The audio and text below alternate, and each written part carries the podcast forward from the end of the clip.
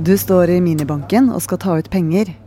Du taster inn koden, saldoen ser bra ut, og du trykker på beløpet du skal ta ut, mens du venter på at de rynkefrie, fine lappene skal skyves ut av luken. Men det skjer ingenting. For banken vil nemlig ikke gi deg pengene dine. Det var det som skjedde med 47 år gamle Mazen Harb fra Libanon, som nå demonstrerer utenfor sentralbanken i Beirut. My money. My money For. Libanon er i krise. Prisene eksploderer. Desperate innbyggere får verken tak i medisiner eller sine egne penger. Uten strøm må mange leve i mørket. Landet er i ferd med å kollapse. Denne krisen omtales allerede som en av de aller verste i nyere tid. Hva er det som skjer i Libanon? Du hører på Forklart. Jeg heter Synne Søhol, og i dag er det fredag 22. oktober.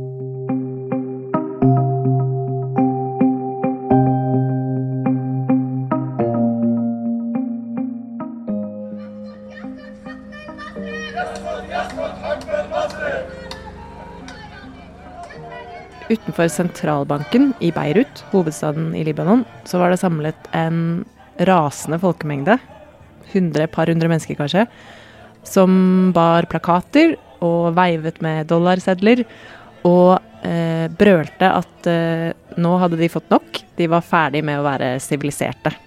Hanne Christiansen er Aftenpostens Midtøsten-korrespondent, og var nylig i bl.a. Beirut, der tusenvis av sinte libanesere demonstrerte ulike steder i byen. Akkurat denne demonstrasjonen handlet om at libanesiske myndigheter har satt uttaksgrenser på amerikanske dollar. Så de menneskene vi møtte denne dagen, demonstrerte fordi de opplever at myndighetene har stjålet pengene deres, helt enkelt. Men det skal sies at dette var en av mange demonstrasjoner vi så den uken vi var i, i Libanon. Det er, eh, det er ganske mye å være sint for eh, hvis du er libaneser akkurat nå. Landet har verdens høyeste inflasjon. Det betyr at prisene stiger, og at du får kjøpt færre ting med de samme pengene. Matprisene har steget med 557 så et brød som tidligere kostet 30 kroner, koster nå 167 kroner. Og Mazen er bare én av mange som blir rammet av høy inflasjon. Lebanon is very bad now. We cannot even have food to eat because my money stolen. I dag er pengene på kontoen hans verdt en tiendedel av hva de var for to år siden. Masen Harb var eh, en av mange libanesere vi møtte i Beirut, som fortalte egentlig om akkurat det samme. At de har jobbet i utlandet i mange, mange år. Som er veldig vanlig for libanesere, faktisk. Eh, Det sies at alle libanesiske familier har et eh, familiemedlem som bor i utlandet og sender penger hjem i amerikanske dollar. Så det hadde Masen Harb også gjort. Han hadde jobbet i Gulflandene i 16 år. Eh, sendt eh, det han selv fortalte var ganske mye penger hjem.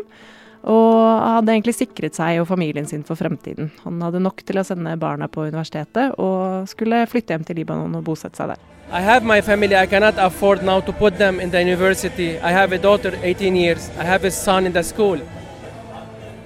Men nå kom han tilbake og opplevde da at pengene hans var låst i banken. Og det han har, eh, har også tapt enormt eh, mye verdi. Så han, han var helt fortvilet, og ikke minst rasende på myndighetene. I came just to retire in this country. I thought this country is good because this is my home country. But unfortunately, this country is my enemy because it took my money. Hvorfor får de ikke ta ut pengene sine da? Er det sånn at banken ikke har penger? Fordi myndighetene vil unngå at eh, landet går tom for amerikanske dollar, helt enkelt. Så de har satt eh, grenser på hvor mye man kan ta ut eh, hver uke. Det er et veldig lite beløp, og de pengene man får ta ut, det får man i libanesiske pund, altså den lokale valutaen, som nå er verdt nærmest ingenting. My money in the bank, I cannot take them. There is no chance to see my money. They are giving me just a peanut, just to live a couple of days every month, Og det er ikke bare Masen som merker krisen på kroppen. Ifølge FN lever snart tre fjerdedeler av Libanons 6,8 millioner innbyggere under fattigdomsgrensen. Denne krisen har endret hverdagen til eh, de aller fleste libanesere drastisk. Eh, et eksempel er at ingen får mer enn et par timer strøm fra det offentlige strømnettet lenger. Så med mindre du har råd til en privat eh, dieselgenerator, eller bor i et bygg hvor, eh, hvor eh, man kan dele med, med, naboene sine, så får du bare to, to timer strøm per dag. Og det er jo mange i Libanon som ikke har råd til det, så det syns veldig tydelig i gatene, eh, særlig etter at det blir mørkt, da, at eh, med unntak av restauranter og butikker og de som har egne generatorer, så, så blir det mørkt når, det, når solen går ned. Eh, vi kjørte bil på motorveien og inn i en tunnel, så er det, så er det helt mørkt. Så det er et veldig tydelig eh, tegn på, på, hvordan krisen har endret eh, hverdagen. Men det er også sånne ting som at eh, det er akutt bensinmangel. Det har gjort at i flere måneder nå så har libanesere måttet stå flere timer i kø for å fylle 20 liter bensin på bilen sin, og det til veldig høye priser. Og det samme har egentlig skjedd med andre varer som medisiner. Livsviktige kreftmedisiner har vært veldig, veldig vanskelig å få tak i i lang tid nå. Og matprisene har steget enormt mye, over 550% Så selv for de libaneserne som har hatt relativt god råd, så har livet blitt enormt mye dyrere de siste to årene. Matmangel, strømmangel, medisinmangel og inflasjon. Hvordan havnet Libanon i denne situasjonen?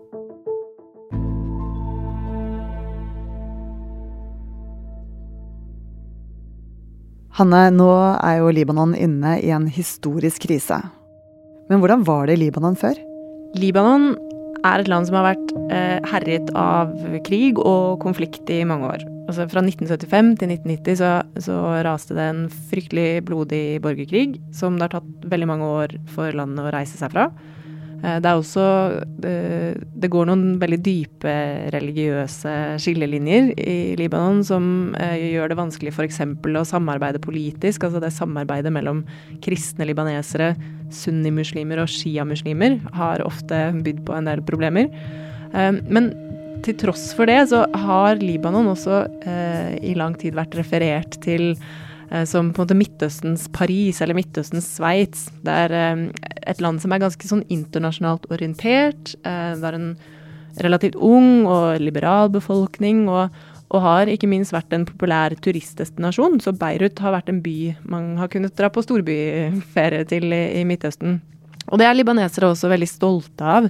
Så da jeg sist var i Libanon, i september 2019, så var det akkurat sånn jeg egentlig opplevde byen. ikke sant? Yrende gateliv og restauranter og nattklubber og eh, Som sagt, ikke minst en, en ung befolkning da, med store ambisjoner både for sin egen og for landets framtid. Sånn var det ikke da vi var der nå.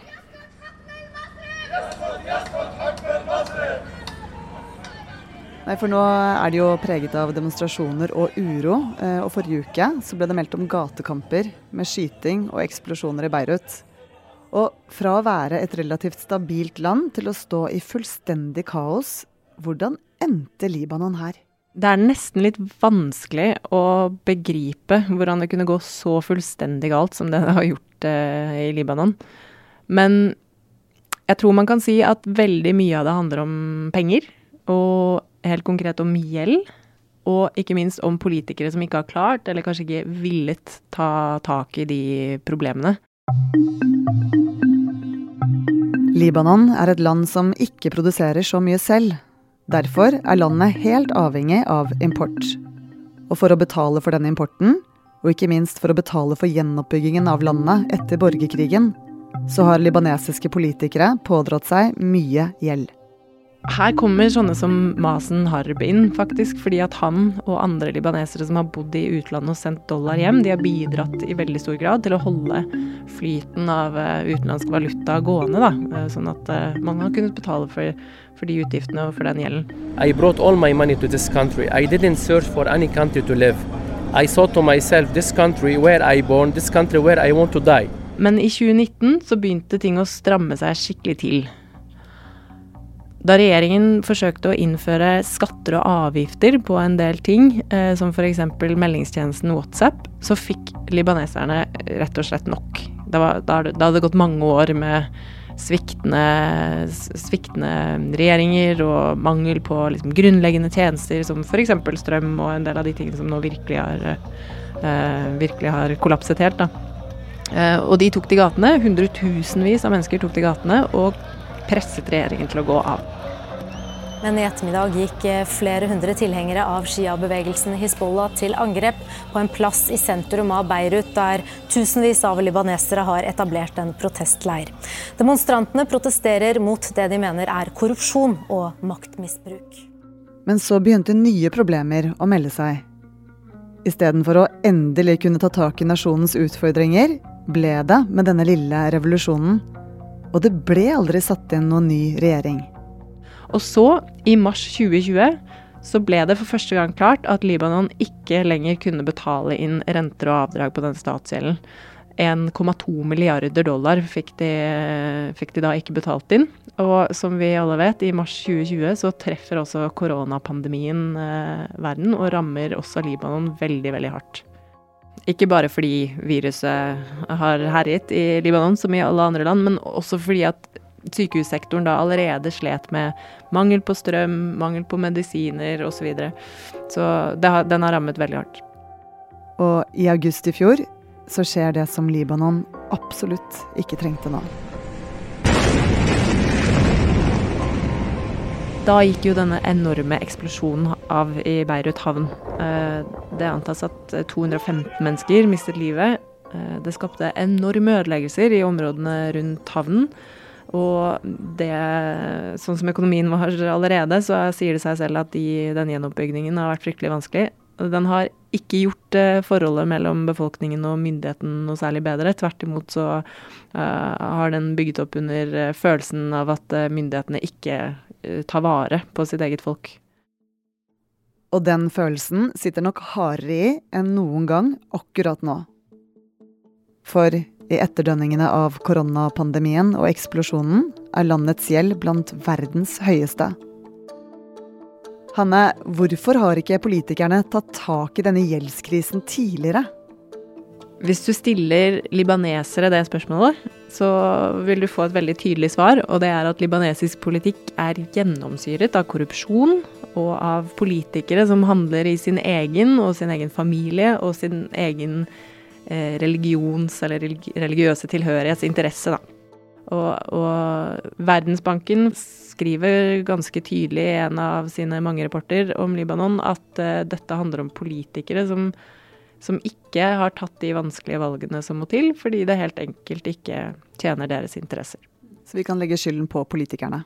Det er i hvert fall veldig mange som gjør det, ja. Og libanesere fikk ganske nylig dette bekreftet da eh, en rekke internasjonale medier, bl.a. Aftenposten og E24, publiserte de såkalte Pandora, Pandora Papers.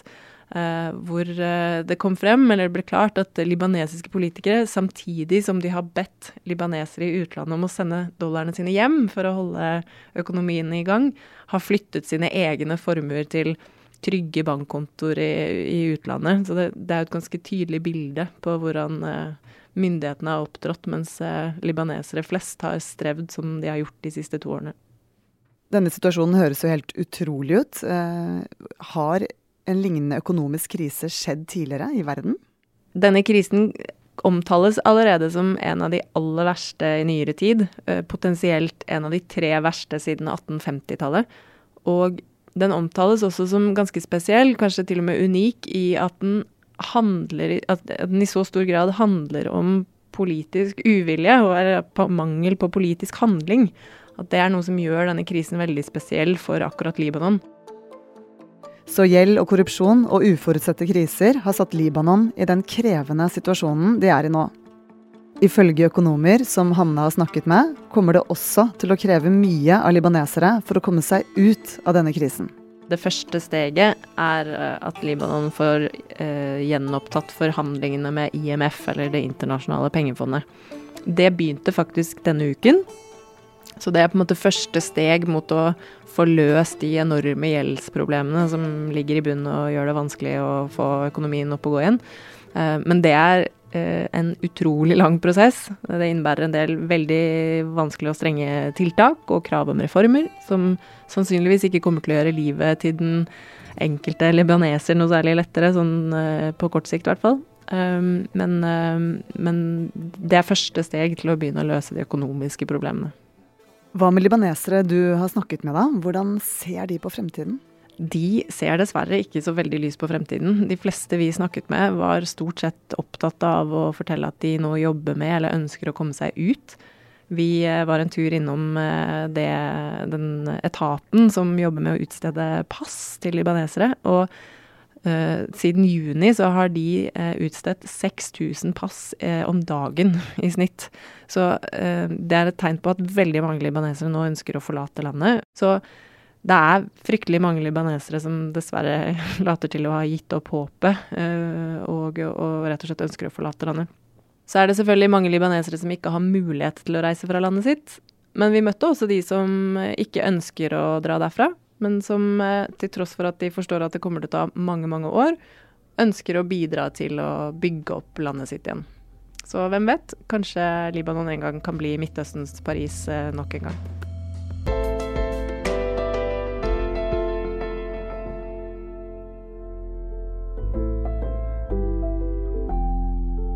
Du har hørt Midtøsten-korrespondent Hanne Christiansen fortelle om situasjonen i Libanon.